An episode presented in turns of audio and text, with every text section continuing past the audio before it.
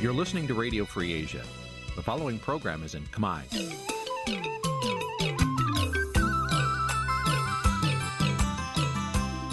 Nǐ chi càm bi tiệp xáy vệt chiu a zì sê នេះជាកម្មវិធីផ្សាយរបស់ Vithu Azisari ជាភាសាខ្មែរ វិទ្យុអាស៊ីសេរីសូមស្វាគមន៍លោកអ្នកនាងទាំងអស់ពីរដ្ឋធានី Washington នៃសហរដ្ឋអាមេរិក ចាប់ពីរដ្ឋធានី Washington នាងខ្ញុំហៃសុធានីសូមជម្រាបសួរលោកអ្នកស្ដាប់ទាំងអស់ជាទីមេត្រីចាយើងខ្ញុំសូមជូនការផ្សាយសម្រាប់ព្រឹកថ្ងៃប្រហ័ស13រោចខែកដិកឆ្នាំឆ្លូវត្រីស័កពុទ្ធសករាជ2565ហើយដល់ត្រូវនៅថ្ងៃទី2ខែធ្នូគ្រិស្តសករាជ2021ជាដំបូងនេះសូមអញ្ជើញលោកដានៀងកញ្ញាស្ដាប់ព័ត៌មានប្រចាំថ្ងៃដែលមានមេត្តាដូចតទៅ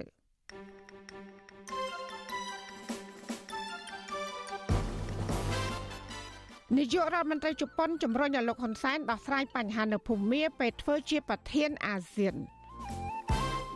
លោកកឹមសុខាបញ្ជាក់ថាការសម្រេចចិត្តបែកពីលោកសំរងស៊ីគ្មានអ្នកណាបង្ខំលោកទេសកម្មជននយោបាយនិងអ្នកសិទ្ធិមនុស្សព្រួយបារម្ភពីប្រសង់បូបេតដែលអាញាធរថៃចាប់សឹកប្រឈមបញ្ជូនមកកម្ពុជាវិញ។ មន្ត្រីសង្គមស៊ីវិលជំរុញអាជ្ញាធរបង្ក្រាបការកាប់ទន្ទ្រានព្រៃលិចទឹកឲ្យមានដំណាភាពរួមនឹងព័ត៌មានផ្សេងផ្សេងមួយចំនួនទៀត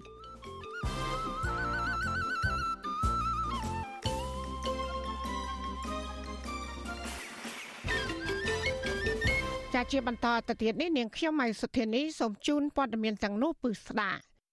លោកអ្នកនាងជាទីមេត្រីលោកនាយករដ្ឋមន្ត្រីហ៊ុនសែនបានជួបរដ្ឋមន្ត្រីការបរទេសឥណ្ឌូនេស៊ីនិងនាយករដ្ឋមន្ត្រីជប៉ុនកាលពីថ្ងៃទី1ធ្នូក្នុងពេលដាច់ដライពីគ្នារដ្ឋមន្ត្រីការបរទេសឥណ្ឌូនេស៊ីអ្នកស្រី Retno Marsudi បានទៅទស្សនកិច្ចនៅកម្ពុជានិងបានជួបលោកនាយករដ្ឋមន្ត្រីហ៊ុនសែនដោយផ្ទាល់នៅឯវិមានសន្តិភាពរីឯនាយករដ្ឋមន្ត្រីជប៉ុនវិញក៏បានជួបប្រជុំជាមួយលោកហ៊ុនសែនតាមប្រព័ន្ធវីដេអូ Skype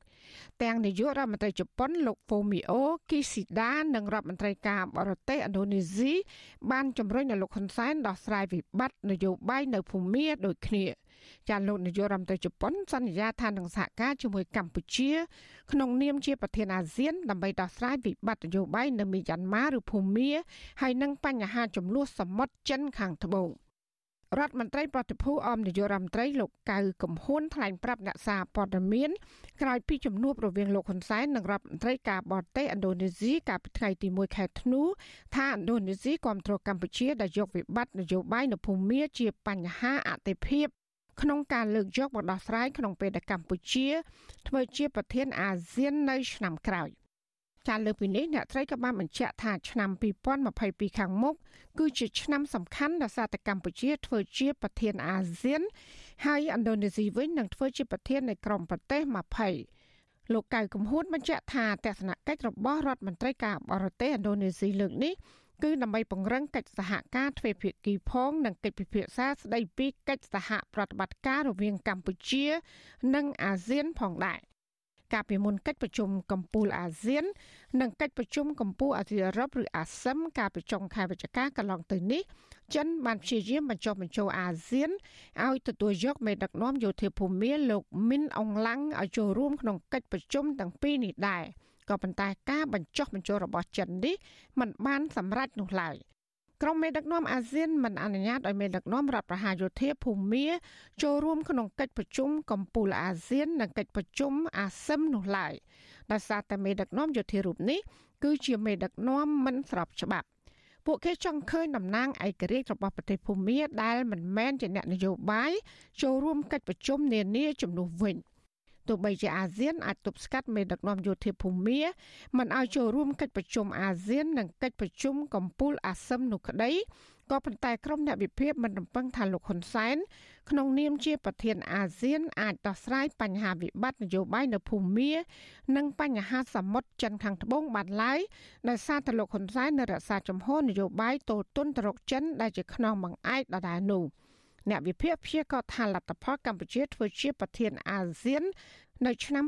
2022ខាងមុខទំនងជាមិនខុសពីឆ្នាំ2012នោះទេដែលអាស៊ានមិនអាចចេញសេចក្តីថ្លែងការណ៍រួមបានជាពិសេសគឺបញ្ហាចំនួនសមុទ្រចិនខាងត្បូងជាដើមចាលោកនានីជាទីមេត្រីសកម្មជនគណៈបកសង្គ្រោះជាតិដែលកំពុងរស់នៅប្រទេសថៃហើយនិងមន្ត្រីឃ្លាំមើលសិទ្ធិមនុស្ស ព្រួយបារម្ភពីសុវត្ថិភាពរបស់ប្រសង់ដែលជាសកម្មជនសង្គមបូបេតត្រូវបានអាជ្ញាធរថៃចាប់ផ្សឹកប្រកាយពួកគេថាព្រះអង្គអាចនឹងប្រឈមបញ្ជូនទៅកម្ពុជាវិញដើម្បីដាក់ទណ្ឌកម្មតាមសំណើរបស់អាជ្ញាធរកម្ពុជាបើទោះបីជាព្រះអង្គទទួលបានសិទ្ធិជាជនភៀសខ្លួនពីអង្គការសហប្រជាជាតិយ៉ាងណាក្តីចាក្តីបារម្ភនេះធ្វើឡើងនៅបន្ទាប់ពីអាជ្ញាធរថៃចុះចាប់ប្រកាយព្រះអង្គ នៅវត្តមួយក្នុងប្រទេសថៃកាលពីប្រលប់ថ្ងៃទី1ខែធ្នូម្សិលមិញចាអ្នកស្រីខែសំណងមានសេចក្តីរាយការណ៍ជំវិញព័ត៌មាននេះប្រដេជគុណបូបេត គឺជាសកម្មជនកម្ពុជាទី5ហើយដែលត្រូវបានអាជ្ញាធរថៃចាប់ខ្លួនក្នុងរយៈពេលមិនដល់1ខែផងព្រះអង្គបានប្រឈមបញ្ជូនមកឲ្យទទួលទោសនៅកម្ពុជាវិញដោយករណីសកម្មជនបកប្រឆាំងមុនមុនបើទោះបីជាទទួលបានសិទ្ធិភៀសខ្លួនពីឧត្តមស្នងការអង្គការសហប្រជាជាតិទទួលបន្ទុកជនភៀសខ្លួនប្រចាំប្រទេសថៃក្តីមន្ត្រីគណៈបកសង្គ្រោះជាតិយល់ថាការចាប់ព្រះកាយព្រះសង្ឃដែលជាសកម្មជនសង្គមនៅពេលនេះទំនងជាប់តាក់ទងនឹងរឿងនយោបាយ សមាជិកគណៈបកសង្គ្រោះជាតិដែលកំពុងភៀសខ្លួននៅប្រទេសថៃលោកអឿនរិទ្ធថ្លែងនៅយប់ថ្ងៃទី1ធ្នូថាប្រដេជគុណបូបេតត្រូវបានអាជ្ញាធរថៃឃុំប្រកាយនៅក្នុងប៉ុស្តិ៍ប៉ូលីសមូលដ្ឋានមួយស្ថិតនៅក្នុងខេត្តសមុទ្រប្រការហើយមិនទាន់បញ្ជូនចេញពីប្រទេសថៃនៅឡើយទេលោកយល់ថារឿងនេះទំនងមានសំណើពីរដ្ឋាភិបាលកម្ពុជាដោយសារតែព្រះអង្គតែងតែបង្ហោះសាររិះគន់រាល់ភាពអសកម្មរបស់រដ្ឋាភិបាល និងភាពអយុត្តិធម៌សង្គមនៅកម្ពុជា មន្ត្រីបកប្រឆាំងរូបនេះបារម្ភថាព្រះអង្គអាចនឹងត្រូវបញ្ជូនទៅឲ្យអាជ្ញាធរកម្ពុជាដើម្បីដាក់ទោសទណ្ឌនិយាយជារួមទៅអានឹងគឺយើងទាំងអស់គ្នាបារម្ភតាក់ទងរឿងនយោបាយភាគច្រើនបំផុតគឺមិនមិនមែនទៅតាក់ទងរឿងរឿងអកតកម្មអីផ្សេងផ្សេងទេនេះជារឿងនយោបាយហើយបាទពួកអីលោកបូបេតជាសកម្មជនដែលប្រតិភិខ្លួនដោយសាររឿងនយោបាយហើយលោកមកនៅប្រទេសថៃនេះក៏លោកមានសកម្មភាពនយោបាយជាច្រើនទៀតដែល អញ្ចឹងឯងខ្ញុំគិតថាជារឿងនយោបាយពួកយើងមានការព្រួយបារម្ភខ្លាំងមែនទែនដែររឿងតើតើនឹងសិនសុខតខ្លួនតើតើការចាប់បញ្ជូនអីផ្សេងផ្សេងណាព្រោះនេះវាកើតឡើងច្រើនដងហើយចំពោះសមាជិករបស់គណៈបក្សជាតិណាបាទវិទ្យុអាស៊ីសេរីបានសួរទៅអ្នកនាំពាក្យអគ្គស្នងការដ្ឋាននគរបាលជាតិលោកឆៃកំខឿនតាមសារ Telegram នៅយប់ថ្ងៃទី1ខែធ្នូជុំវិញការចាប់ខ្លួននេះ ដើម្បីចង់ដឹងថាតើរដ្ឋាភិបាលកម្ពុជាជាអ្នកនៅពីក្រោយការស្នើឲ្យរដ្ឋាភិបាលថៃចាប់ព្រះកាយនិងផ្សឹកព្រះអង្គឬយ៉ាងណា តែនៅមិនទាន់មានការឆ្លើយតបនៅឡើយទេ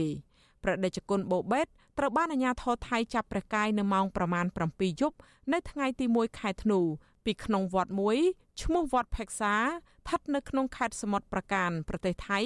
ដែលព្រះអង្គបានភៀសព្រះកាយពីកម្ពុជាទៅគង់នៅប្រមាណ1ឆ្នាំមកហើយប្រដេជគុណបូបេត បានភៀសប្រកាយទៅគង់នៅប្រទេសថៃ កាលពីខែវិច្ឆិកាឆ្នាំ2020ដើម្បីកិច្ចពីការតាមចាប់របស់អាជ្ញាធរកម្ពុជាក្រោយពេលព្រះអង្គចូលរួមតវ៉ាដោយសន្តិវិធីនៅមុខតុលាការរាជធានីភ្នំពេញទាមទារដោះលែងមេដឹកនាំសហជីពលោករងឈុនព្រះអង្គរួមទាំងព្រះសង្ឃផ្សេងទៀតបានលាក់ព្រះកាយនិងភៀសខ្លួនទៅក្រៅប្រទេសដើម្បីកិច្ចចេញពីការតាមចាប់និងការតាមធ្វើទុកបុកម្នេញរបស់សមត្ថកិច្ចកម្ពុជាប្រដេជគុណបូបេតមានប្រជជន34វស្សា ត្រូវបានឧត្តមស្នងការអង្គការសហប្រជាជាតិទទួលបន្ទុកជនភៀសខ្លួន UNHCR នៅប្រទេសថៃផ្ដល់ឋានៈជាជនភៀសខ្លួនរួចហើយក្នុងពេលគង់នៅប្រទេសថៃព្រះអង្គតែងតែបង្ហោះសាររិះគន់រដ្ឋាភិបាលលោកហ៊ុនសែនជាបន្តបន្ទាប់ពាក់ព័ន្ធទៅនឹងការរំលោភសិទ្ធិមនុស្សនិងការបំផ្លាញលទ្ធិប្រជាធិបតេយ្យព្រមទាំងការបំផ្លិចបំផ្លាញធនធានធម្មជាតិជាដើមតាក់ទងទៅនឹងការចាប់ប្រកាយព្រះអង្គបូបេតនេះដែរ នាយករងអង្គការឃ្លាំមើលសិទ្ធិមនុស្សអន្តរជាតិ Human Rights Watch ទទួលបន្ទុកកិច្ចការតំបន់អាស៊ីលោក Phil Robertson សរសេរលើបណ្ដាញ Twitter នៅថ្ងៃទី1ធ្នូបញ្ជាក់ពីការចាប់ផ្សឹកព្រះអង្គពីសំណាក់អាជ្ញាធរថៃនេះលោកហៅទង្វើរបស់អាជ្ញាធរថៃថាជារឿងហួសហេតុនិងមិនអាចទទួលយកបានឡើយ មន្ត្រីសិទ្ធិមនុស្សអន្តរជាតិរូបនេះសង្កត់ធ្ងន់ថាសហគមន៍អន្តរជាតិត្រូវចាត់វិធានការធំមួយជាចាំបាច់ដើម្បីបញ្ឈប់ការបញ្ជូនខ្លួនដោយបង្ខំការចាប់ដាក់គុកនិងអំពើទរណកម្មអ្នកនាំពាក្យសមាគមអាត់ហុកលោកសឹងសែនករណាថាសង្គមស៊ីវិលនឹងបន្តតាមដានលើករណីនេះនិងត្រៀមផ្ដល់សេវាច្បាប់ផងលោកយល់ថាវិធានការនេះគឺជាការបន្តធ្វើទុកបុកម្នេញលើសកម្មជននយោបាយទាំងក្នុងនិងក្រៅប្រទេស ហើយយើងនឹងសហការផ្សេងផ្សេងដើម្បីឃ្លាំមើលជាមួយនឹងអង្គការជាតិអន្តរជាតិបន្តទៀតថាតើចំណាត់ការរបស់វាងរដ្ឋាភិបាលទាំងពីរ ដែលទាំងរដ្ឋាភិបាលថៃហើយនិងកម្ពុជានេះចេះតែមានការរំលោភបំពានទៅលើអនុសញ្ញាជនភៀសខ្លួននេះបន្តទៅទៀតឬយ៉ាងម៉េចហើយយើងក៏ទទូចឲ្យខាងអង្គការសហជីវជាតិទទួលបន្ទុកជនភៀសខ្លួននឹងគួរតែពិនិត្យមើលឡើងវិញថាតើខ្លួននឹងមានវិធានការបែបណាចំពោះប្រទេសដែលរំលោភបំពានទៅលើសិទ្ធិជនភៀសខ្លួនណាមិនគួរណាយើងគិតថាចេះតែកើតមានករណីបែបហ្នឹងបន្តទៀតអញ្ចឹងវាជាហានិភ័យខ្ពស់ណាស់សម្រាប់សកម្មជនដែលរស់នៅក្នុងប្រទេសប្រជាធិបតេយ្យហើយมันមានការគោរពសិទ្ធិមនុស្សចឹងវាធ្វើឲ្យមានការប៉ះពាល់នឹងរំលោភទៅលើសិទ្ធិផ្នែកនយោបាយរបស់ពួកគេណាបាទកាលពីខែវិច្ឆិកាកន្លងទៅអាជ្ញាធរថៃបានចាប់បញ្ជូនសកម្មជនគណបកសង្គ្រោះជាតិ4នាក់ហើយទៅឲ្យអាជ្ញាធរកម្ពុជាដាក់ពន្ធនាគារព្រៃសរនៅរាជធានីភ្នំពេញតាមសំណើរបស់រដ្ឋាភិបាលលោកនាយករដ្ឋមន្ត្រីហ៊ុនសែន ការចាប់ខ្លួនសកម្មជនបកប្រឆាំងនិងប្រសង់ជាបន្តបន្ទាប់នេះគឺធ្វើឡើងក្រោយពេលលោកនាយករដ្ឋមន្ត្រីហ៊ុនសែនប្រកាសថាលោកនឹងតាមគំតិចក្រុមប្រឆាំងឲ្យដល់ទីបំផុតអ្នកឃ្លាំមើលបញ្ហាសង្គមនិងក្រុមអង្គការសិទ្ធិមនុស្សបានថ្កោលទោសចំពោះរដ្ឋាភិបាលថៃនិងកម្ពុជា ថាកំពុងរំលោភសិទ្ធិមនុស្សធ្ងន់ធ្ងរនិងមិនអាចទទួលយកបាន ពួកគេយល់ថាទង្វើនេះគឺជាវប្បធម៌ជួយគ្នាទៅវិញទៅមក ដើម្បីពង្រឹងអំណាចផ្ដាច់ការរបស់រដ្ឋាភិបាលនៃប្រទេសទាំងពីរហើយប្រទេសថៃឡើងជាជំរំជនភៀសខ្លួនដែលមានសវត្ថភាពទៀតហើយចា៎នាងខ្ញុំខែសុណងវັດឈូអាស៊ីសេរីរាយការណ៍ពីរដ្ឋធានី Washington ចាលោកអ្នកនាងកញ្ញាកំពុងស្ដាប់ការផ្សាយរបស់វិទ្យុអាស៊ីសេរីផ្សាយចេញពីរដ្ឋធានី Washington សហគមន៍ខ្មែរនៅក្រៅប្រទេសនាំគ្នាបង្កើតគណៈកម្មការស៊ើបអង្កេតនៅអក្រិតកម្មនិងការរំលោភបំពានសិទ្ធិមនុស្សហើយនិងប្រជាធិបតេយ្យនៅកម្ពុជាមេធាវីអន្តរជាតិដែលបានចូលរួមក្នុងគណៈកម្មការនេះបដិញ្ញាថានឹងប្រមូលភស្តុតាងជាក់ស្ដែងដើម្បីនាំមេដឹកនាំកម្ពុជាឲ្យទទួលទោសចំពោះការប្រព្រឹត្តបំពានទាំងនេះ។ តើគណៈកម្មការនេះមានមធ្យោបាយអ្វីខ្លះដើម្បីសម្រេចទិដៅទាំងនេះបាន ចាសសូមលោកនាងកញ្ញារងចាំស្ដាប់បទសភាអំពីរឿងនេះនាពេលបន្តិចទៀតនេះចាសសូមអរគុណ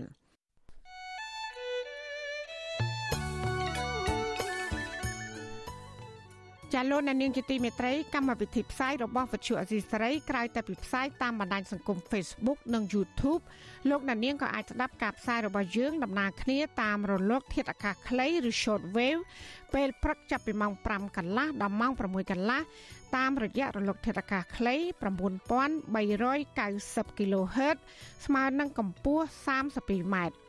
និង11890 800 kHz ស្មើនឹងកម្ពស់ 25m ចាសសម្រាប់ពេលយប់វិញគឺចាប់ពីម៉ោង7កន្លះដល់ម៉ោង8កន្លះតាមរយៈរលកធាតុអាកាសខ្លី9390 kHz ស្មើនឹងកម្ពស់ 32m និង15155 kHz ស្មើនឹងកម្ពស់ 20m ចាសសូមអរគុណ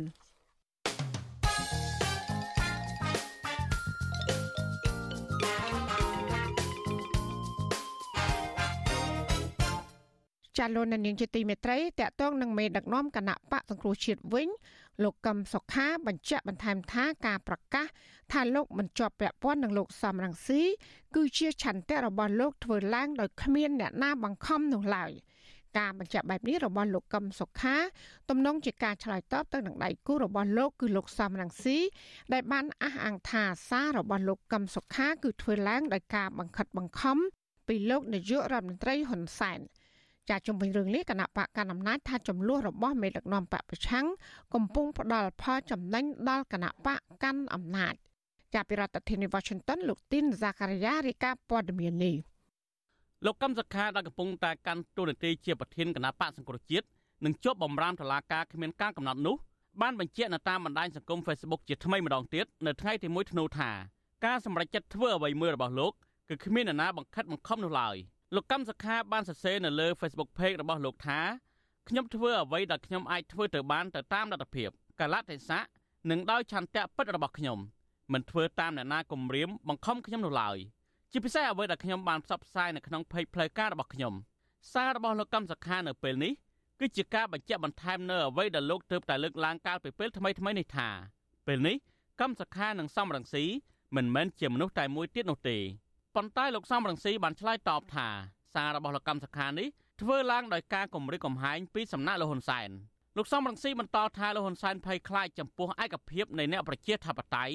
និងបានចាប់យកលោកកម្មសខាធ្វើជាចំណាប់ខ្មាំងនយោបាយទោះជាយ៉ាងណាកូនស្រីទាំងពីររបស់លោកកម្មសខាគឺកញ្ញាកឹមមនោវិជ្ជានិងកញ្ញាកឹមសមាធិដាបានបញ្ចេញប្រតិកម្មជាភាសាអង់គ្លេសតាមបណ្ដាញសង្គម Twitter គាំទ្រសារនយោបាយរបស់ឪពុកនិងចោទប្រកាន់លោកសំរងស៊ី ថាគ្មានភាពស្មោះត្រង់និងជាដៃគូបោកប្រាស់ជំវិញនឹងករណីនេះអ្នកនាំពាក្យគណៈបកប្រជាជនកម្ពុជាលោកសុកអេសានអះអាងថាគណៈបកប្រជាជនកម្ពុជាឬលោកហ៊ុនសែនមិនបានជាប់ពាក់ព័ន្ធឬបង្ខិតបង្ខំឲ្យលោកកម្មសខាធ្វើសកម្មភាពវាយប្រហារលោកសំរងស៊ីនោះទេទោះជាយ៉ាងណាលោកទទួលស្គាល់ថាទង្វើរបស់លោកកម្មសខាពេលនេះកំពុងផ្ដល់ផលចំណេញដល់គណៈបកកាន់អំណាច ចង់ចង់វាមានចំណេញហើយយើងយល់ថាក្នុងការប្រកួតប្រជែងក្នុងរបបប្រជាធិបតេយ្យសេរីវង្សបកគឺគណៈបកនីមួយៗសិតតែចង់ឲ្យដៃគូរបស់ខ្លួនទៅរុនទៅរាបែកបាក់តែគេមិនធ្វើអបញ្ហាទង្វើអ្វីដែលខុសច្បាប់ដើម្បីឲ្យភាគីម្ខាងទៀតបែកបាក់ទេដោយឡែកប្រធានប្រតិបត្តិគណៈបកសង្គ្រោះជាតិប្រចាំរាជធានីភ្នំពេញលោកមនផល្លាដែលកំពុងតែភៀសខ្លួននៅក្រៅប្រទេសលើកឡើងថាគណៈបកប្រជាជនកម្ពុជា ហ៊ានធ្វើរឿងគ្រប់យ៉ាងដើម្បីបំបែកបំបាក់គណៈបកប្រឆាំងប៉ុន្តែគណៈបកនេះមិនហ៊ានទទួលស្គាល់នៅទង្វើរបស់ខ្លួនឡើយលោកបន្តថាការគម្រិតកំហែងលោកកម្មសខាពេលនេះដោយសាររដូវកាលយុទ្ធនាការឃោសនាបោះឆ្នោតជាតិមកដល់ដូច្នេះគណៈបកកាន់អំណាចកំពុងព្យាយាមពុះបំបែកមេដឹកនាំគណៈបកសង្គ្រោះជាតិជាថ្មីថែមទៀតរដូវកាលនៃយុទ្ធនាការ ឃោសនាបោះឆ្នោតចិត្តនឹងមកដល់ដូច្នេះហើយដូច្នេះហើយគណៈបព្វជិជនត្រូវតែប្រើនៅយុទ្ធសាស្ត្រនេះអញ្ចឹងហើយបានខ្ញុំយល់ឃើញថាมันឆ្លោះបញ្ចាំងអំពីស្មារតីនៃគោលការណ៍របស់គណៈបកសង្គ្រោះជាតិនោះទេបាទកាលពីថ្ងៃទី28វិច្ឆិកាលោកកឹមសុខាបានបញ្ចេញសារដ៏កម្រមួយចោទប្រកាន់ថាលោកសំរងស៊ីនិងសហការីនៅតែបន្តយកឈ្មោះនិងរូបថតរបស់លោកទៅប្រើប្រាស់ភ្ជាប់ជាមួយនឹងសកម្មភាពនានា ដែលពុំមានការអនុញ្ញាតឬគាំទ្រពីលោកលោកលើកឡើងទៀតថាលោកសំរងស៊ីនិងសហការីបានដើរចេញពីគោលការណ៍និងស្មារតីដើមនៃការរួបរวมដោយទៅបង្កើតចលនានយោបាយនិងមុខតំណែងខ្លួនឯងជាពិសេសការត្រឡប់ទៅគាំទ្រដោយចំហឬនៅពីក្រោយការដឹកនាំគណៈបកនយោបាយចាស់គឺគណៈបកភ្លឹងទៀនទោះបីជាយ៉ាងនេះក្តីសកម្មជនគណៈបកប្រឆាំងបានសម្ដែងការភ្ញាក់ផ្អើលនៅពេលឃើញសារលោកកម្មសខាបែបនេះពួកគេបានចោទលោកកម្មសខាថាជាមេដឹកនាំគ្មានភាពក្លាហាន ការចោទប្រកាន់នេះក្នុងពេលសកម្មជនគណបកប្រឆាំងមួយចំនួនទៀតកំពុងតែជាប់បំរាមតុលាការដូចគ្នាក៏ប៉ុន្តែពួកគេហ៊ានធ្វើសកម្មភាពនិងបញ្ចេញមតិតាក់ទងនឹងរឿងនយោបាយទោះបីជាយ៉ាងនេះក្តីនៃវិភាគនយោបាយបណ្ឌិតសេនស៊ូរីសង្កេតឃើញថាការព្យាយាមចេញសារម្ដងហើយម្ដងទៀតរបស់លោកកម្មសខាគឺជាការការពារចំហរបស់លោកពីការមិនពាក់ព័ន្ធជាមួយលោកសំរងស៊ីលោកបន្តថាលោកកម្មសខាទំនងជាចង់ប្រាប់ទៅលោកសំរងស៊ី ឲ្យឈប់បង្ហាញពីការអាណិតអាសូរដល់លោកតទៅទៀតដូច្នេះនេះបញ្ជាក់ច្បាស់ណាស់ថាការបែកគ្នារបស់លោកកឹមសុខានេះគឺអាចនឹងមិនមានការពាក់ព័ន្ធជាមួយនឹងគណៈបកកណ្ដាលអំណាចមានន័យថាការសម្រេចចិត្តបែកគ្នានេះគឺជាការសម្រេចចិត្តដោយខ្លួនឯងបើយើងនិយាយជារួមថាជាការសម្រេចចិត្តដោយផ្ទៃក្នុងគ្រួសារខ្លួនឯងมันមានពាក់ព័ន្ធទៅនឹងការលូកលាន់ពីពីភាគីខាងក្រៅទេបាទ ក្រោយពីការរំលាយគណៈបកសង្គ្រោះជាតិអស់រយៈពេល4ឆ្នាំមកនេះនៅមិនទាន់មានពន្លឺណាមួយថាគណៈបកនេះអាចដំណើរការឡើងវិញបានឡើយទេគណៈលោកនាយរដ្ឋមន្ត្រីហ៊ុនសែនបន្តប្រកាសពីចេតនាតាមកំតិចមេដឹកនាំគណៈបកនេះដល់ទីបញ្ចប់ដើម្បីត្រួសត្រាយផ្លូវដល់កូនចៅរបស់លោកឲ្យងាយស្រួលដឹកនាំប្រទេសគិតរហូតមកដល់ពេលនេះថ្នាក់ដឹកនាំគណៈបកសង្គ្រោះជាតិទាំងអ្នកនិយមលោកសំរងស៊ីនិងអ្នកនិយមលោកកម្មសខាជាង20នាក់ហើយបានសុំសិទ្ធិធ្វើនយោបាយឡើងវិញជាបន្តបន្ទាប់ ដោយមានទាំងបកថ្មី និងអ្នកខ្លះវិលទៅគណៈបកភ្លើងទៀនឡើងវិញខ្ញុំទីនសាការីយ៉ាអសិរ័យប្រធានីវ៉ាស៊ីនតោនចាលោកនាងកញ្ញាអ្នកស្ដាប់ទទីមេត្រីក្រុមគូសានិងសកម្មជនបពប្រឆាំងស្នើសុំឲ្យតុលាការក្រុងភ្នំពេញទម្លាក់ចោលបទចោតប្រកាន់និងដោះលែងអ្នកជាប់ឃុំនយោបាយនៅថ្ងៃសវនកម្មទ្រង់ទ្រាយធំនៅសប្តាហ៍ក្រោយចាមន្ត្រីសិទ្ធិមនុស្សយល់ថាសកម្មជនបពប្រឆាំងទាំងអស់ នឹងអាចរួចផុតពីការចោទប្រកាន់បើសិនស្ថានភាពនយោបាយធូរស្រាលឡើងវិញចាសសូមស្ដាប់សេចក្តីរាយការណ៍របស់លោកយុនសមៀនអំពីរឿងនេះពីរដ្ឋធានី Washington សកម្មជនគណៈបកប្រឆាំងនិងក្រុមគ្រួសារលើកឡើងថាតុលាការនឹងដោះលែងអ្នកជាប់ឃុំនយោបាយព្រមទាំងលើកលែងការចោទប្រកាន់លើថ្នាក់ដឹកនាំនិងសកម្មជនគណៈបកប្រឆាំងទាំងអស់ នៅថ្ងៃសវនាការទ្រង់ទ្រីធំនៅថ្ងៃទី7ខែធ្នូខាងមុខនេះប្រសិនបើតុលាការឯករាជ្យនឹងមិនស្ថិតក្រោមអធិបុលនយោបាយសកម្មជនគណៈបកសង្គ្រោះជាតិលោកភួងថាថ្លែងថាតុលាការមិនបានបញ្ជូនដោយការកោះហៅដល់ដៃឬកន្លែងស្នាក់នៅរបស់លោកនោះទេប៉ុន្តែលោកបានឃើញឈ្មោះរបស់លោកនៅក្នុងដីកាកោះហៅរួមដែលសមត្ថកិច្ចបិទនៅមុខទីស្នាក់ការគណៈបកសង្គ្រោះជាតិ លោកនឹងទៅចូលរួមបំភ្លឺនៅសវនាការសំណុំរឿងរួមគំនិតក្បត់និងញុះញង់នៅថ្ងៃទី7ខែធ្នូដើម្បីបង្ហាញពីភាពស្អាតស្អំរបស់លោក ខ្ញុំនឹងចូលទៅតាមការកោះហៅរបស់តុលាការក៏ប៉ុន្តែខ្ញុំក៏មិនពេញចិត្តនៅការកោះហៅម្ដងជាពីរដងនេះដោយសារតែខ្ញុំមើលទៅបត់ចោតរបស់ពួកខ្ញុំនេះវាអត់ស័ក្តិសមជាមួយនឹងពួកខ្ញុំដែលជាយុវជននេះជាក់ស្ដែងពួកខ្ញុំបញ្ចេញនៅទស្សនៈគ្រាន់តែជាការរិះគន់ដើម្បីស្ថាបនាដោយអត់មានធ្វើការជេរប្រមាថឬក៏លីពណ៌ទៅបុគ្គលឬក៏គណៈបកនយោបាយណាទេស្នើសុំឲ្យតុលាការនឹងទម្លាក់ចោលនៅរាល់បត់ចោតលើពួកខ្ញុំក៏ដូចជាយុវជនដទៃដែលគាត់ថាធ្វើការសម្ដែងមតិដោយស្របទៅតាមច្បាប់ដែលកម្ពុជាយើងមានបាទចំណែកប្រពន្ធសកម្មជនគណៈបកសង្គ្រោះជាតិលោកកកកុម្ភាគឺលោកស្រីព្រំចន្ទថាសង្ឃឹមថាតុលាការនឹងដោះលែងប្តីលោកស្រីឲ្យមានសេរីភាពឡើងវិញលោកស្រីបន្តថាប្រសិនបើគ្មានការដោះលែងទេ គឺលោកស្រីនឹងបន្តតវ៉ានិងដើរដាក់ញត្តិតាមស្ថានទូតប្រទេសប្រជាធិបតេយ្យដើម្បីស្វែងរកយុត្តិធម៌ឲ្យប្តី។ សង្ឃឹមថាបើសិនជាតឡាការមិនតាមគំនាបរបស់រដ្ឋាភិបាលទី1ហើយអាកម្មសិទ្ធិរបស់គាត់ដែលនេះគាត់ត្រូវតែកាត់ក្តីឲ្យគេថាក្រិតហើយណាមួយទៅប្តីពួកខ្ញុំអត់មានកំហុសអីទេកោតទៅរកកម្រិតក្បត់មិនដឹងថាក្បត់នឹងយ៉ាងម៉េចពួកអីខ្លះអីខ្លះធ្វើឲ្យខ្លះដែលគាត់ជាតិនឹងចាអញ្ចឹងខ្ញុំគិតថាអាការងារដែលយកគាត់ទៅឃុំដែលអត់មានកំណត់ឃុំទុកចោលរយៈពេល1ឆ្នាំ6ខែអ្នកខ្លះជិត2ឆ្នាំហើយអញ្ចឹងគួរតឡាការឬក៏រដ្ឋាភិបាលគឺគាត់តម្លាក់ដល់ការចោលទាំងអស់ទៅឬក៏តម្រឹមគាត់កាត់ឲ្យនៅក្រៅឃុំដើម្បីគាត់មកជួបជុំក្រុមគ្រួសារវិញហើយជាពិសេសឲ្យគាត់រស់រៀនធ្វើនយោបាយឡើងវិញសាលាដំបងរាជធានីភ្នំពេញក្រុងបើកសវនាការលើឋានៈដឹកនាំនិងសកម្មជនគណៈបកប្រឆាំងចំនួន42នាក់នៅថ្ងៃទី7ខែធ្នូក្នុងសំណុំរឿងរួមគំនិតក្បត់ និងញុះញង់ពាក់ព័ន្ធទៅនឹងដំណើរមាតុភូមិនិវត្តរបស់លោកសំរងស៊ីកាលពីចុងឆ្នាំ2019ក្នុងចំណោមអ្នកដែលត្រូវបានតុលាការកោះហៅនោះភ ieck ច្រើននៅក្រៅប្រទេសរួមមានទាំងលោកសំរងស៊ី អនុប្រធានគណៈបកលោកអេងឆៃអៀងនិងអ្នកស្រីមូសុខួរជាដើមក្រុមមេដឹកនាំនិងសកម្មជនដែលកំពុងនៅក្រៅប្រទេសធ្លាប់អះអាងថាពួកគាត់មានបំណងចង់វិលចូលកម្ពុជាដើម្បីតតាំងក្តីនៅក្នុងតុលាការប៉ុន្តែត្រូវបានរដ្ឋាភិបាលរារាំងពួកគាត់ជាបន្តបន្ទាប់មេធាវីការពីក្តីឲ្យគណៈបកសង្គ្រោះជាតិគឺលោកសំសុគង្គឲ្យដឹងថាសវនាការនៅថ្ងៃទី7ខែធ្នូ ប្រហែលជាមានកូនក្តីរបស់លោកដែលកំពុងរស់នៅក្នុងប្រទេសកម្ពុជា10នាក់ចូលរួមក្នុងនោះ2នាក់កំពុងជាប់ឃុំលោកបន្តថាកូនក្តីរបស់លោកទាំងអស់មិនទទួលបានដីកាកោះហៅត្រឹមត្រូវតាមនីតិវិធីច្បាប់នោះទេគឺមានតែសេចក្តីជូនដំណឹងដែលសមត្ថកិច្ចបិទនៅមុខទីស្នាក់ការគណៈបកសង្គ្រោះជាតិព្រមទាំងពុំមានភ័ស្តុតាងគ្រប់គ្រាន់ដាក់បន្ទុកលើកូនក្តីរបស់លោកឡើយ។ លោកសំសុគងស្នើឲ្យតុលាការគួរតែលើកលែងការចោទប្រកាន់ទាំងអស់លើកូនក្តីរបស់លោក និងប្រគល់សេរីភាពជូនកូនក្តីរបស់លោកដែលកំពុងជាប់ឃុំឡើងវិញ។ បើកាលណាគាត់មិនមានសិទ្ធិក្នុងការតតាំងទៀតទេខ្ញុំគិតថាតុលាការគួរតែទម្លាក់បទចោទអស់ទៅដោយសារគាត់អត់បានចូលរួមមកតតាំងហើយមានតែផុសតាំងមកខាងហើយផុសតាំងនេះយើងឃើញថាអត់មានអីជាធំធំទេគឺមានតែរូបភាពឬសារដែលបង្ហោះនៅក្នុង Facebook ឬបណ្ដាញសង្គមនៅក្នុងចឹងបើសិនជាមិនមានចម្លើយមានអីការតតាំងរបស់គាត់ទេគឺថាវាមិនអាចយកអ្វីដើម្បីយកជាមូលដ្ឋាននៃការសម្រេចទេហើយតាក់ទងអ្នកដែលកំពុងតែជាប់ឃុំនេះគឺពួកគាត់ទាំងពីរអ្នកហ្នឹងគឺជាប់ពី2ឆ្នាំដែរហើយហើយបើសិនជាសាវនាការនៅតែអូសបន្លាយពេលវេលាយូរហើយមិនបានបញ្ចប់បានឆាប់ទេប៉ះពាល់សិទ្ធិរបស់គាត់នឹងវិទ្យុអាស៊ីសេរីមិនអាចសុំការឆ្លើយតបពីប្រធានសាលាដំបងរាជធានីភ្នំពេញលោកតាំងសុនឡាយនិងអ្នកនាំពាក្យក្រសួងយុតិធធលោកចិនម៉ាលីនបានទេនៅថ្ងៃទី1ធ្នូដោយទូរស័ព្ទចូលពុំមានអ្នកទទួលទោះបីយ៉ាងណាសង្គមស៊ីវិលស្នើឲ្យតុលាការដោះលែងអ្នកជាប់ឃុំនិងលើកលែងការចោទប្រកាន់អ្នកនាំពាក្យសមាគមការពារសិទ្ធិមនុស្សអាត6 លោកសឹងសែនករណាមានប្រសាសន៍ថាករណីទាំងនេះគឺជារឿងនយោបាយដូច្នេះការដោះស្រាយតាមផ្លូវតុលាការគឺมันអាចផ្ដល់យុត្តិធម៌ត្រឹមត្រូវបានទេ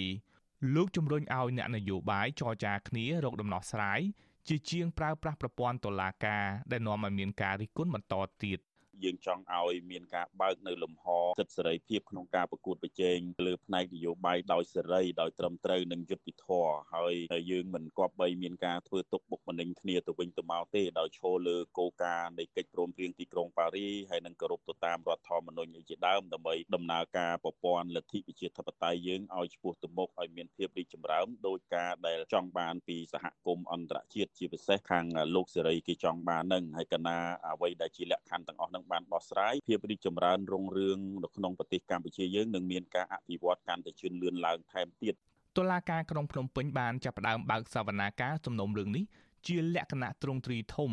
ដោយមានថ្នាក់ដឹកនាំនិងសកម្មជនគណៈបកប្រឆាំងជាង130នាក់ចាប់តាំងពីចុងឆ្នាំ2020ប៉ុន្តែតុលាការបានផ្អាកសវនាការវិញជាបន្តបន្ទាប់ចាប់តាំងពីខែកុម្ភៈឆ្នាំ2021ដោយសារតែការរីករាលដាលនៃជំងឺ Covid-19 ទោះបីជាយ៉ាងណាគិតត្រឹមដើមខែវិច្ឆិកាឆ្នាំ2021នេះមានសកម្មជនច្រើនជាង25នាក់ត្រូវបានតុលាការផ្តន្ទាទោសដាក់ពន្ធនាគារពី5ឆ្នាំទៅ7ឆ្នាំពាក់ព័ន្ធទៅនឹងសំណុំរឿងរួមគំនិតក្បត់ប៉ុន្តែសារក្រមផ្ដន្ទាទោសទាំងនោះត្រូវបានសហគមន៍ជាតិនិងអន្តរជាតិរិះគន់ថា គឺជារឿងមិនត្រឹមត្រូវនិងធ្វើឡើងតាមការចង់បានរបស់គណៈបកកាន់អំណាចខ្ញុំយុនសាមៀនវុទ្ធុអាស៊ីសេរីប្រធានាធិបតី Washington ចាលោកនាងកញ្ញាអ្នកស្ដាប់ទទីមេត្រីក្រុមអង្គការសង្គមស៊ីវិលជំរុញអាជ្ញាធរខេត្តចំនួន6នៅជុំវិញតំបន់បឹងទលេសាបបង្ក្រាបសកម្មភាពកាប់ទន្ទ្រានដីព្រៃលិចទឹក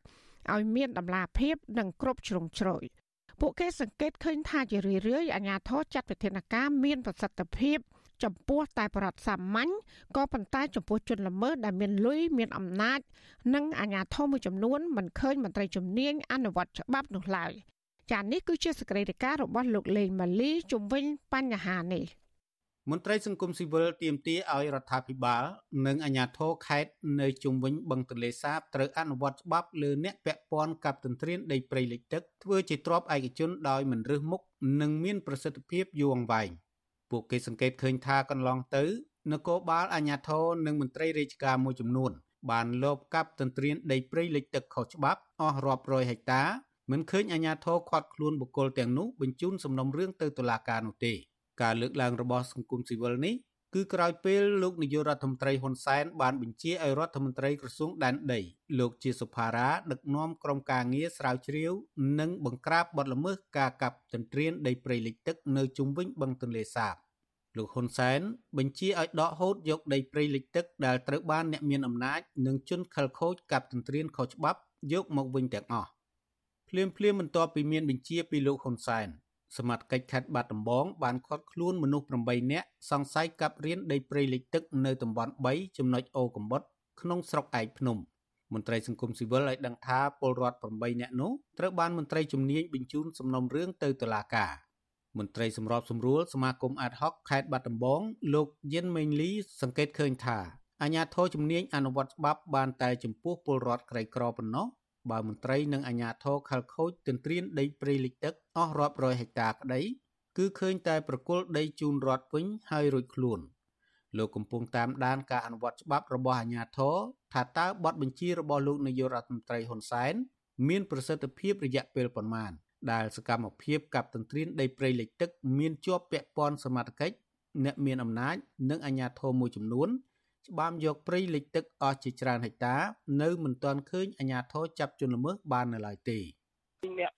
មានលុយមានអំណាចគាត់គ្រាន់តែបកគលដីទៅវិញរួចខ្លួនខ្ញុំឃើញមានច្រើនខ្ញុំអ្នកខ្លះ2000ហិកតាខ្លះ6700 ហិកតាឲ្យសូមប្រកាសពលដីនឹងអីវិញអញ្ចឹងបើសិនជាប្រព្រឹត្តបទឧក្រិដ្ឋបទល្មើសឲ្យគ្រាន់ឲ្យទៅវិញមួយខ្លួន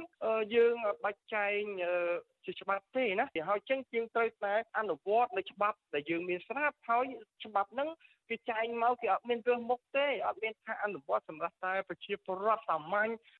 វិទ្យុអស៊ីសេរីមិនទាន់អាចតាក់ទងសុំការបំភ្លឺជុំវិញរឿងនេះពីអភិបាលខេត្តបាត់ដំបងលោកសុកលូបាននៅឡើយទេ នៅថ្ងៃទី1ធ្នូ រីឯនៅខេត្តកំពង់ឆ្នាំងវិញសកម្មភាពកាប់ទន្ទ្រានដីព្រៃលិចទឹកអស់ជាច្រើនពាន់ហិកតាស្ថិតក្នុងស្រុកចំនួន3គឺស្រុកកំពង់លែងស្រុកជលគិរី និងស្រុកកំពង់ឆ្នាំងមន្ត្រីសង្គមស៊ីវិលមើលឃើញថាសកម្មភាពកាប់ទន្ទ្រានដីព្រៃលិចទឹកទ្រង់ទ្រាយធំនេះអាចធ្វើទៅបានមានជាប់ពាក់ព័ន្ធអាជ្ញាធរនិងមន្ត្រីជំនាញមួយចំនួនមន្ត្រីសម្របសម្រួលសមាគមអាត់ហុកខេត្តកំពង់ឆ្នាំងលោកសំច័ន្ទគីទទូចដល់រដ្ឋាភិបាលឲ្យដកហូតដីព្រៃលិចទឹក ដែលបាត់បង់ទាំងអស់មកជាសម្បត្តិរដ្ឋវិញនិងត្រូវអនុវត្តច្បាប់ចំពោះអ្នកពាក់ព័ន្ធឲ្យមានប្រសិទ្ធភាពលោកជំរុញអាជ្ញាធរឲ្យអនុវត្តច្បាប់ករណីនេះឲ្យយូរអង្វែងកុំរងចាំតែប័ណ្ណបញ្ជារបស់ថ្នាក់ដឹកនាំម្ដងម្កាលមន្ត្រីនៅខាងក្រោមនេះបានគប់ខិតគ្នាដោយមិនព្រមអនុវត្តមន្ត្រីជំនាញនឹងដឹងឮហើយ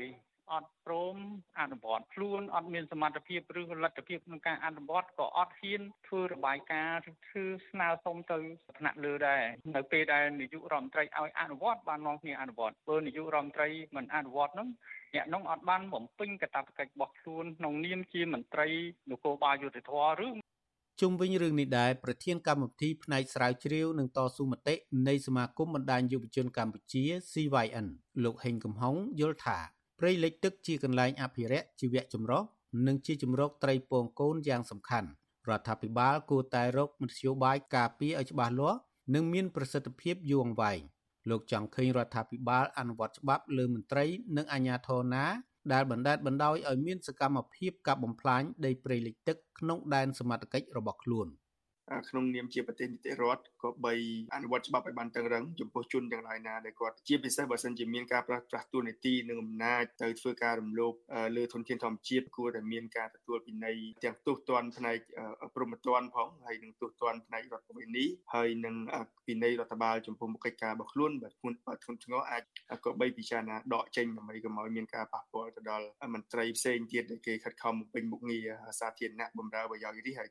រដ្ឋមន្ត្រីក្រសួងកសិកម្មលោកវែងសខុនបានបង្ហោះសារលើ Facebook របស់លោកថាក្នុងខេត្តកំពង់ធំមានករណីកាប់ទន្ទ្រានដីព្រៃលិចទឹកខុសច្បាប់ជាង3500ហិកតាគិតចាប់ពីឆ្នាំ2019ដល់ឆ្នាំ2021លោកថាមន្ត្រីជំនាញបានកសាងសំណុំរឿងបញ្ជូនទៅតុលាការ40ករណីប៉ុន្តែលោកមិនបានបញ្ជាក់លម្អិតថាដីព្រៃលិចទឹកទាំងនោះត្រូវដកហូតជាសម្បត្តិរដ្ឋវិញនិងចាប់ខ្លួនជនល្មើសបានប៉ុន្មានអ្នកនោះទេ ចំណែកឯនៅខេត្តបន្ទាយមានជ័យក៏មានសកម្មភាពកាប់ទន្ទ្រានដីព្រៃលិចទឹកអស់រាប់ពាន់ហិកតាស្ថិតក្នុងឃុំភ្នំលៀបនិងឃុំមួយចំនួនទៀតក្នុងស្រុកប្រណេតព្រះ កាលពីខែមិថុនាកន្លងទៅពលរដ្ឋជិត1000គ្រួសារបានផ្តិតមេដាយប្តឹងមេឃុំភ្នំលៀបលោកអែមណុយទៅរដ្ឋាភិបាលនិងអាជ្ញាធរពាក់ព័ន្ធថ្នាក់ជាតិករណីមេឃុំរូបនេះបានប្រព្រឹត្តអំពើល្មើសច្បាប់ជាច្រើន ក្នុងនោះក៏មានសកម្មភាពលក់ដីព្រៃលិចទឹកនៅចំណុចរហាលសន្ទូងទំហំ120ហិកតាឲ្យក្រុមឈ្មួញដោយខុសច្បាប់មន្ត្រីសម្របសម្រួលសមាគមអាតហុកខេត្តបន្ទាយមានជ័យលោកសុំច័ន្ទគាមើលឃើញថាពលរដ្ឋតែងតែធ្វើកិច្ចការជំនួសអាជ្ញាធរដើម្បីការពារសម្បត្តិជាតិខណៈដែលអាជ្ញាធរពាក់ព័ន្ធនៅខេត្តនេះមិនអើពើដោះស្រាយសកម្មភាពបំផ្លាញព្រៃលិចទឹកធំធេងទាំងនេះទេខ្ញុំបាទលេងម៉ាលីវិទ្យុអស៊ីសេរីរាយការណ៍ពីរដ្ឋធានី Washington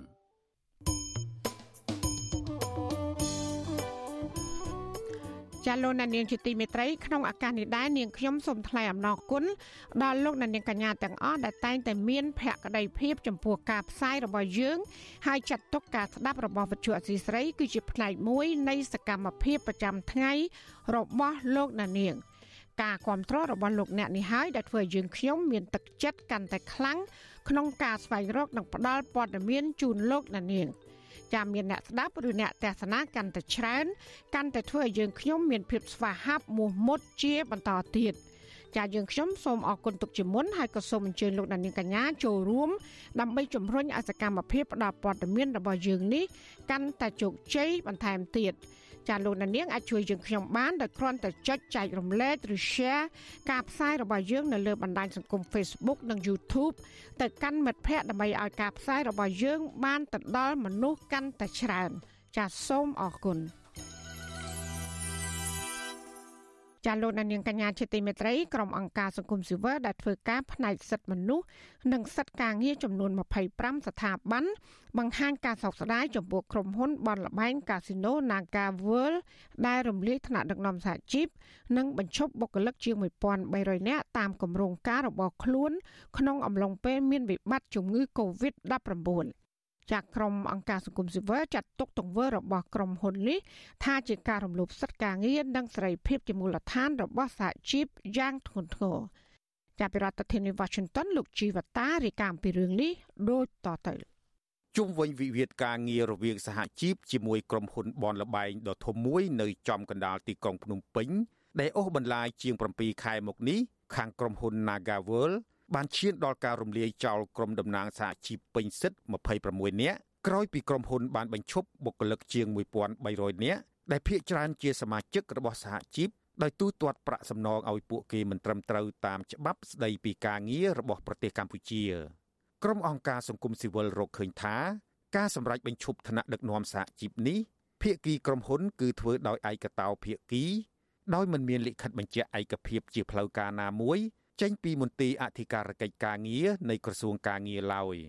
អ្នកគ្រប់គ្រងកម្មវិធីសិទ្ធិការងារនៃអង្គការសង្ត្រាល់លោកខុនថារ៉ូមានប្រសាសន៍ថាទង្វើរបស់ក្រុមហ៊ុន Nagaworld នេះឆ្លុះបញ្ចាំងឲ្យឃើញពីបំណងពិតប្រាកដរបស់ក្រុមហ៊ុន គឺចង់លុបបំបាត់សម្លេងសហជីពចេញពីកន្លែងធ្វើការដោយមិនខ្វល់ពីច្បាប់ជាតិឬច្បាប់អន្តរជាតិដែលចែងគាំពៀឋានៈដឹកនាំសហជីពក្នុងការអនុវត្តការងារដោយគ្មានកំហុសនោះទេ លោកបន្តថាប្រសិនបើក្រសួងការងារមិនគិតគូរដោះស្រាយវិវាទនេះសមស្របទៅតាមច្បាប់នោះទេ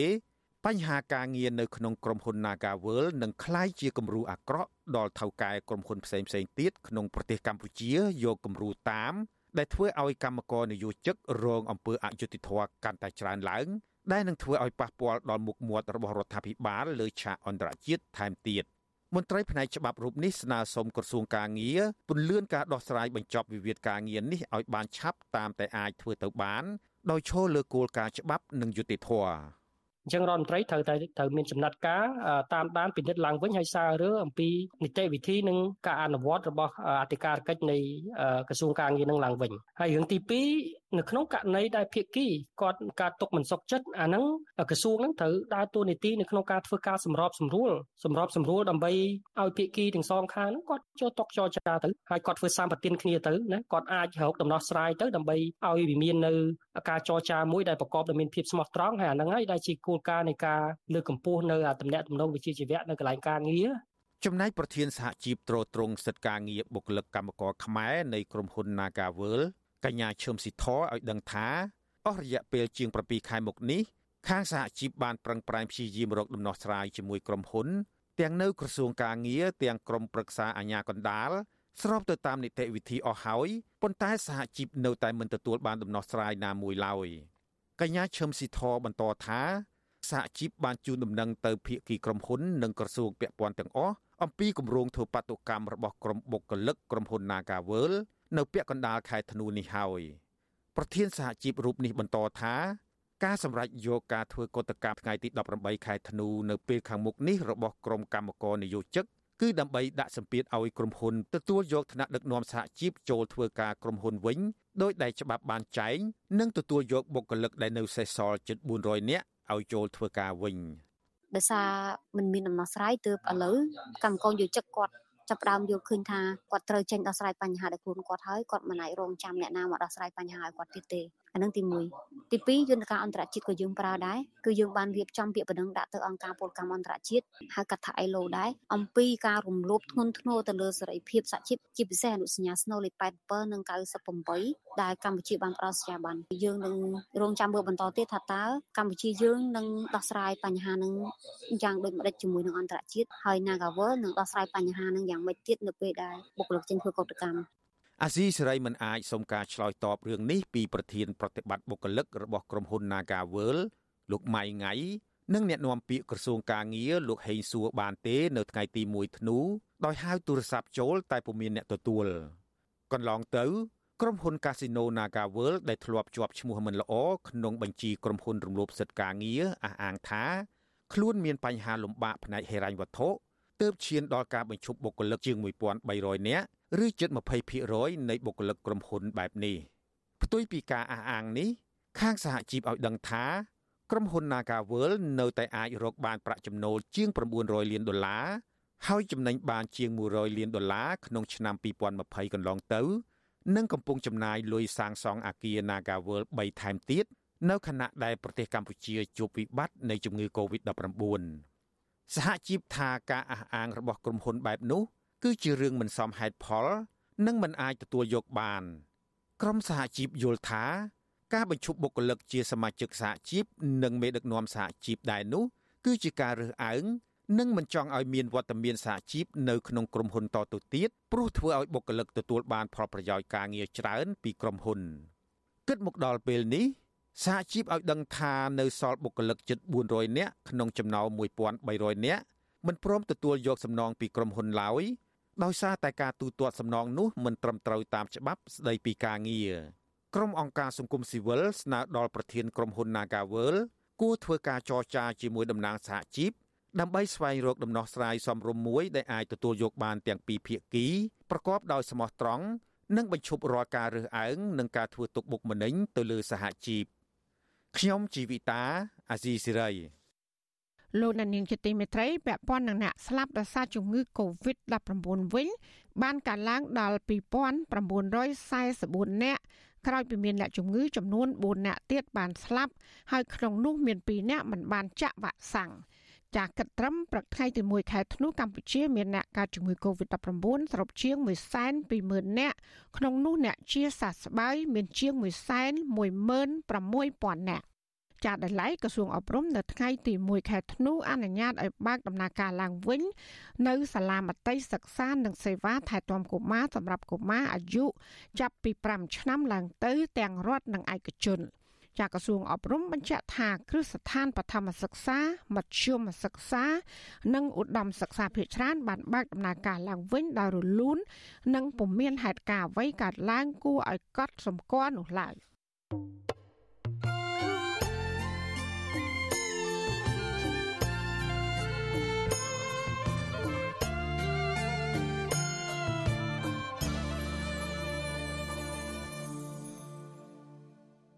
ចាលោកអ្នកស្ដាប់ជាទីមេត្រីក្រុមហ៊ុនអាកាសចរចំនួន6ស្នើសុំបើកការហោះហើរឡើងវិញនៅក្នុងខែធ្នូខណៈដែលក្រុមហ៊ុនអាកាសចរពីរផ្សេងទៀតស្នើសុំបន្ថែមជើងហោះហើរ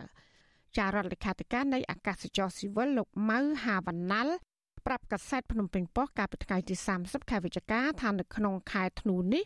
មានជើងហោះហើរនៅក្នុងស្រុកនិងអន្តរជាតិថ្មីប្រចាំសប្តាហ៍ចំនួន43ហើយដែលកើនឡើង16%បើធៀបនឹងខែតុលាទោះយ៉ាងណាលោកបញ្ជាក់ថាចំនួនជើងហោះហើរអាចប្រែប្រួលគឺអាស្រ័យទៅលើស្ថានភាពនៃជំងឺ Covid-19 លោកម៉ៅហាវ៉ាណាល់បន្តថាអាកាសចរស៊ីវិលផ្ដោតសំខាន់អ្នកដំណើរពីបណ្ដាប្រទេសនៅអាស៊ីអាគ្នេយ៍ឬក៏តំបន់អាស៊ានជារួម។ ជាប្រភពដដែលបន្តថាក្នុងចំណោមក្រុមហ៊ុនអាកាសចរទាំង6នោះក្រុមហ៊ុន3មានទីស្នាក់ការនៅទីក្រុងបាងកករួមមានក្រុមហ៊ុនថៃ Smile Airways Bangkok Airways និងក្រុមហ៊ុនថៃ Air Asia ក្រុមហ៊ុនទាំងនេះមានគម្រោងហោះហើរចន្លោះពី3ជើងដល់7ជើងក្នុងមួយសប្តាហ៍ចំណែកឯក្រុមហ៊ុនអាកាសចរ Philippines Airlines និង Cathay Pacific Airways នឹងអាចមានជើងហោះហើរម្ដងក្នុងមួយសប្តាហ៍ ដោយឡែក Malaysia Airlines នឹងចាប់ផ្ដើមជើងហោះហើរ4ដងក្នុងមួយសប្តាហ៍ចាត់នៅទន្ទឹមនេះដែរក្រុមហ៊ុនសិង្ហបុរី Airlines ស្នើសុំបង្កើនជើងហោះហើរពីភ្នំពេញទៅសង្ហបុរី ចំនួន14ជើងក្នុងមួយសប្តាហ៍និងចាប់ផ្ដើមជើងហោះហើរឡើងវិញពីសៀមរាបទៅសង្ហបុរី7ដងក្នុងមួយសប្តាហ៍បន្ថែមពីនេះអាកាសចរស៊ីវិលនឹងចាប់ផ្ដើមជើងហោះហើរជាធម្មតាឡើងវិញពីប្រទេសចិនជប៉ុននិងប្រទេសអារ៉ាប់រួមជាដើម ទោះជាយ៉ាងនេះក្តីកាលពីថ្ងៃទី29ខែវិច្ឆិកាក្រសួងសុខាភិបាលប្រកាសហាម5អ្នកដំណើរមានប្រភពមកពីប្រទេសចំនួន10នៅអាហ្វ្រិកខាងត្បូងមិនឲ្យចូលកម្ពុជាក្រោយពីមានការផ្ទុះជំងឺ Covid-19 បំផ្លែងថ្មីអូមីក្រុងនៅប្រទេសទាំងនោះចាប់តាំងពីរដ្ឋាភិបាលកម្ពុជាដកបំរាមការធ្វើចតាឡេស័ក ចំពោះអ្នកដំណើរទូទៅដែលបានចាក់វ៉ាក់សាំងគ្រប់ដូសមកចន្លោះពីថ្ងៃទី1ដល់ថ្ងៃទី26ខែវិច្ឆិកាជនបរទេសចំនួនជាង12000នាក់ក្នុងនោះ4400នាក់គឺជាអ្នកទេសចរចូលមកប្រទេសកម្ពុជាហើយដែលភាគច្រើន គឺជាជនជាតិវៀតណាមឥណ្ឌូនេស៊ីម៉ាឡេស៊ីនិងជនជាតិថៃ។ ស្ថិតិក្រសួងទេសចរឲ្យដឹងថាក្នុងឆ្នាំ2020កម្ពុជាទទួលបានទេសចរអន្តរជាតិជាង1លាន3សែននាក់គឺធ្លាក់ចុះ80%បើប្រៀបធៀបនឹងឆ្នាំ2019ដែលមានភ្ញៀវបរទេសសរុបជាង6លាន6សែននាក់ ចាប់ពីខែមករាដល់ខែកញ្ញាឆ្នាំ2021នេះភ្ញៀវទេសចរបរទេសជាង130,000នាក់មកកម្ពុជាហើយដែលចំនួននេះគឺបានថយចុះជិត90%បើធៀបអំឡុងពេលដូចគ្នាកាលពីឆ្នាំ2020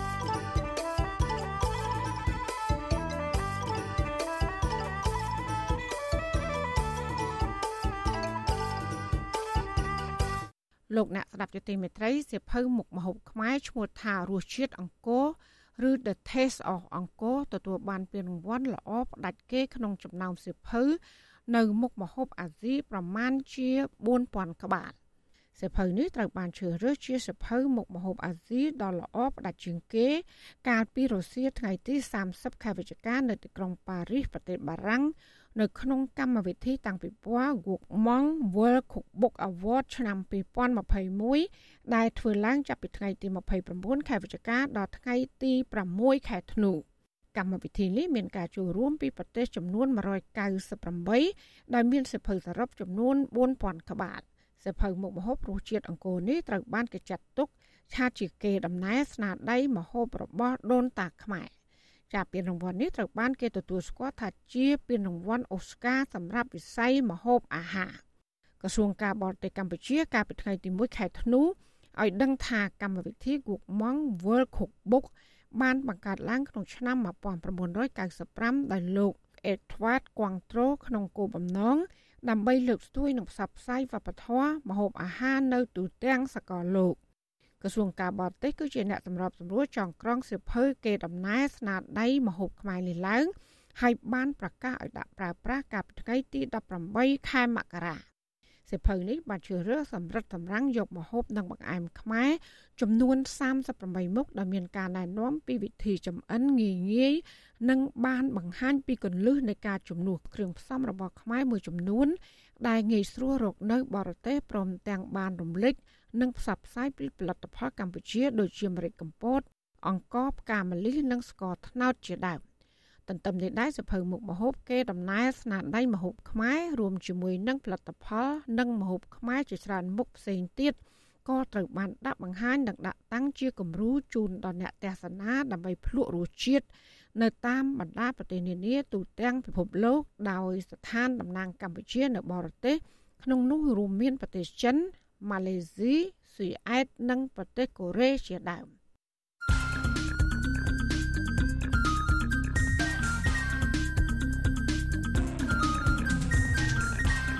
បតសំភារ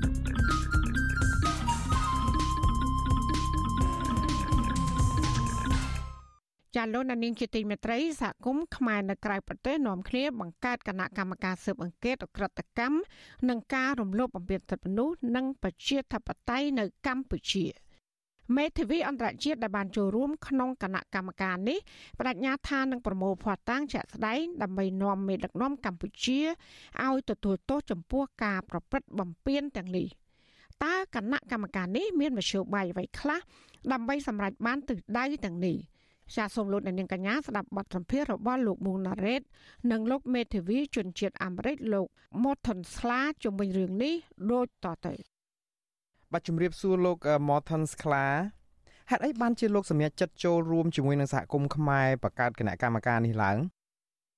One thing is the strong involvement of the Khmer community. That's been a missing បាទសហគមន៍ខ្មែររួមគ្នាជាកម្លាំងរឹងមាំមួយ ដើម្បីកែនធនធាន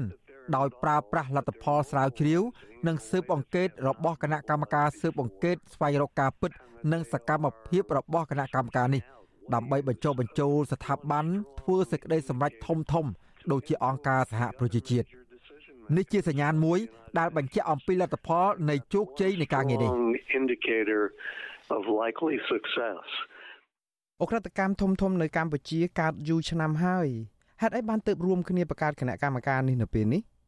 we are seeing some changes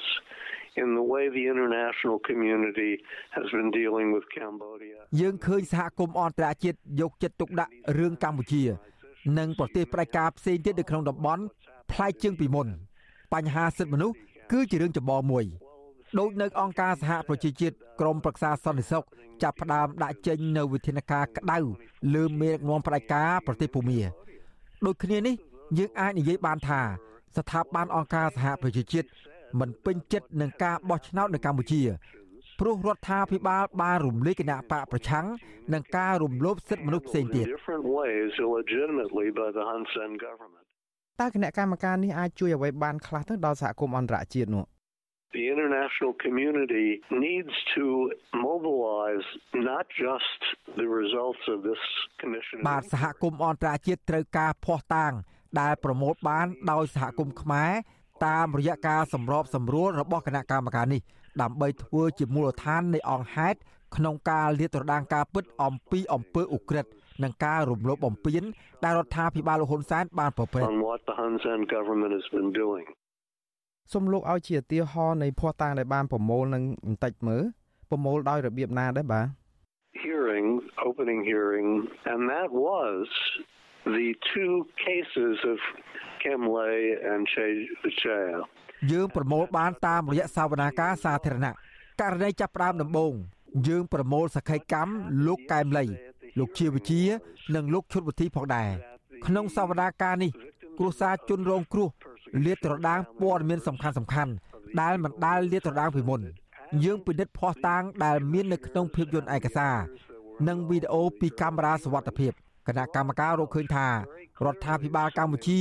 គឺរបបលោកហ៊ុនសែនលូកដៃយ៉ាងជ្រៅក្នុងអំពើឃាតកម្មទាំងនេះកាលពីមុនគ្រួសារជនរងគ្រោះស្នើឲ្យរដ្ឋាភិបាលកម្ពុជាស៊ើបអង្កេតករណីនេះប៉ុន្តែរដ្ឋាភិបាលមិនដែលស៊ើបអង្កេតនោះទេ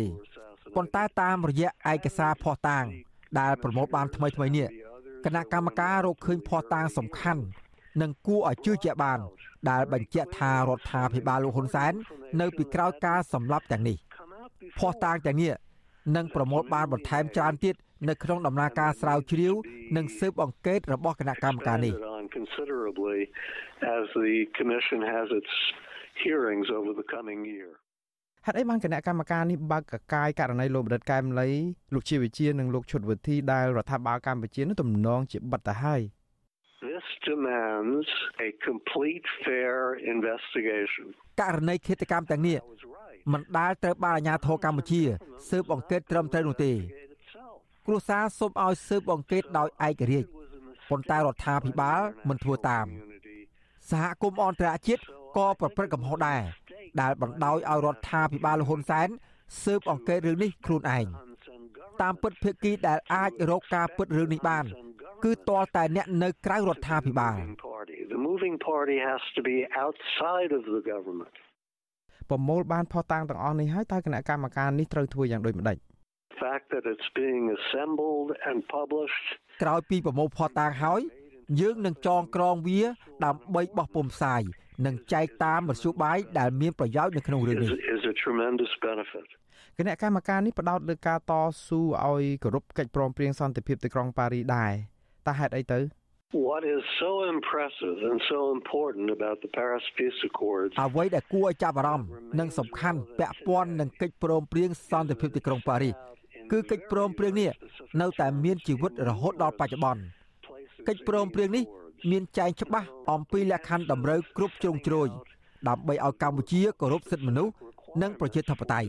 ពេលយើងនិយាយពីកិច្ចព្រមព្រៀងនេះយើងមិនឲ្យងាកត្រឡប់ទៅឆ្នាំ1991វិញនោះទេហើយយើងក៏មិនទាមទារឲ្យកោះប្រជុំឡើងវិញអ្វីនោះដែរព្រោះវាអត់ទៅរួចទេពេលវេលាបានដើរទៅមុខឆ្ងាយហើយ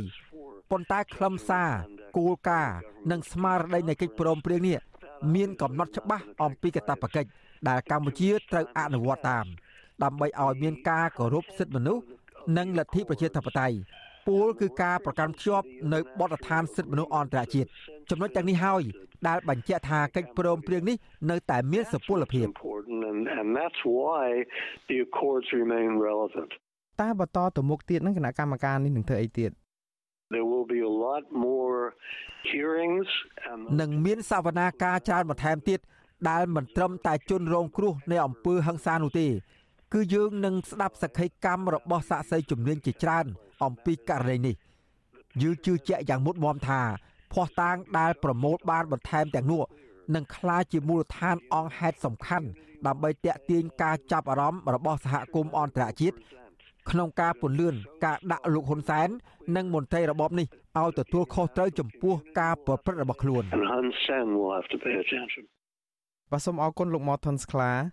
Good to talk with you. Take បាទ care. ខ្ញុំរីករាយដែលបានផ្ដល់បទសម្ភាសន៍នេះបាទចាលោកនាងកញ្ញាទៅបានស្ដាប់បទសម្ភាសន៍រវាងអ្នកយកព័ត៌មានរបស់វិទ្យុអស៊ីសេរីលោកមុងណារ៉េតនិងលោកមេធាវីជនជាតិអាមេរិកគឺលោក Morton Skla ជំនាញដំណើរការចូលរួមស៊ើបអង្កេតអក្រិតកម្មនិងអំពើហិង្សាដែលកើតឡើងក្រោមការដឹកនាំរបស់លោកហ៊ុនសែន។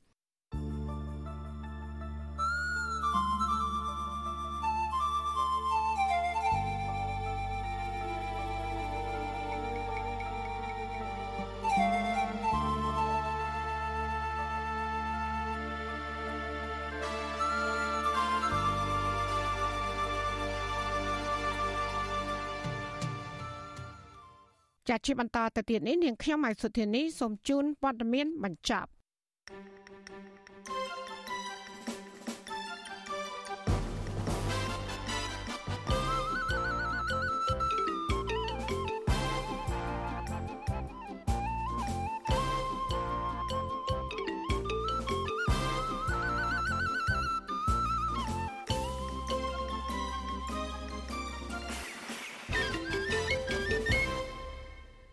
ចាលោកនានីជាទីមេត្រីសកម្មជនគណៈបកសង្គ្រោះជាតិដែលកំពុងរស់នៅប្រទេសថៃហើយនិងមន្ត្រីឃ្លាំមើលសិទ្ធិមនុស្សព្រួយបារម្ភពីសុខភាពរបស់ប្រសង់ដែលជាសកម្មជនសង្គមបូបេតត្រូវបានអាជ្ញាធរថៃចាប់ផ្សឹកប្រកាយពួកគេថាព្រះអង្គអាចនឹងប្រឈមបញ្ជូនទៅកម្ពុជាវិញ ដើម្បីដាក់ទណ្ឌកម្មតាមសំណើរបស់អាជ្ញាធរកម្ពុជាបើទោះបីជាព្រះអង្គ ទទួលបានសិទ្ធិជាជនភៀសខ្លួនពីអង្គការសហប្រជាជាតិយ៉ាងណាក្តីចាក្តីបារម្ភនេះធ្វើឡើងនៅបន្ទាប់ពីអាជ្ញាធរថៃចុះចាប់ប្រកាយព្រះអង្គនៅវត្តមួយក្នុងប្រទេសថៃកាលពីប្រលប់ថ្ងៃទី1ខែធ្នូម្សិលមិញតកតងនឹងមេដឹកនាំគណៈបកសង្គ្រោះជាតិវិញលោកកឹមសុខាបញ្ជាក់បន្ថែមថាការប្រកាសថាលោកមិនជាប់ពាក់ព័ន្ធនឹងលោកសំរងស៊ីគឺជាឆន្ទៈរបស់លោកធ្វើឡើងដោយគ្មានអ្នកណាបង្ខំនោះឡើយ។ ការបញ្ជាក់បែបនេះរបស់លោកកឹមសុខាទំនងជាការឆ្លើយតបទៅនឹងដៃគូរបស់លោកគឺលោកសំរងស៊ីដែលបានអះអាងថាសាររបស់លោកកឹមសុខាគឺធ្វើឡើងដោយការបង្ខិតបង្ខំពីលោកនាយករដ្ឋមន្ត្រីហ៊ុនសែនចាជំវិញរឿងនេះគណៈបកកណ្ដាលអំណាចថាចំនួនរបស់មេដឹកនាំបកប្រឆាំងកំពុងផ្ដល់ផលចំណេញដល់គណៈបកកាន់អំណាច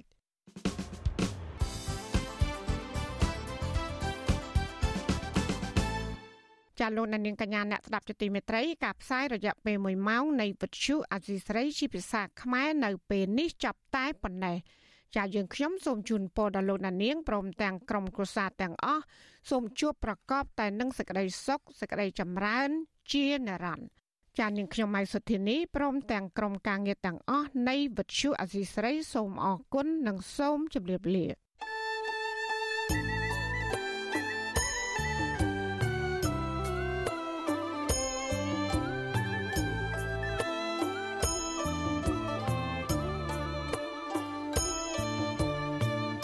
ទ្យុអស៊ីសេរីផ្សាយតាមរលកធារកាសខ្លីឬ shortwave តាមកម្រិតនិងកម្ពស់ដូចតទៅនេះពេលព្រឹកចាប់ពីម៉ោង5កន្លះដល់ម៉ោង6កន្លះតាមរយៈរលកធារកាសខ្លី9390 kHz ស្មើនឹងកម្ពស់ 32m និង11850 kHz ស្មើនឹងកម្ពស់ 25m ពេលយប់ចាប់ពីម៉ោង7កន្លះដល់ម៉ោង8កន្លះតាមរយៈរលកធារកាសខ្លី 9390 kHz ស្មើនឹងកម្ពស់ 32m និង15155 kHz ស្មើនឹងកម្ពស់ 25m លោកអ្នកនាងក៏អាចស្ដាប់ការផ្សាយផ្ទាល់តាមប្រព័ន្ធអ៊ីនធឺណិតដោយចូលទៅកាន់គេហទំព័រ www.rfa.org/ ខ្មែរក្រៅពីនេះលោកអ្នកនាងក៏អាចអាននិងទស្សនាព័ត៌មានវិទ្យុអេស៊ីសរ៉ៃលើទូរស័ព្ទដៃរបស់លោកអ្នកផ្ទាល់ សូមលោកអ្នកនាងចូលទៅកាន់បណ្ដាញសង្គម Facebook ដែលមានអាសយដ្ឋាន www.facebook.com/rfa.cambodia និង YouTube www.youtube.com/rfa ខ្មែរ video សូមលោកអ្នកនាងចុច like និងចុច subscribe ដើម្បីទទួលបានព័ត៌មានថ្មីៗទាន់ហេតុការណ៍និងទស្សនាវីដេអូផ្សេងៗទៀតបានគ្រប់ពេលវេលា។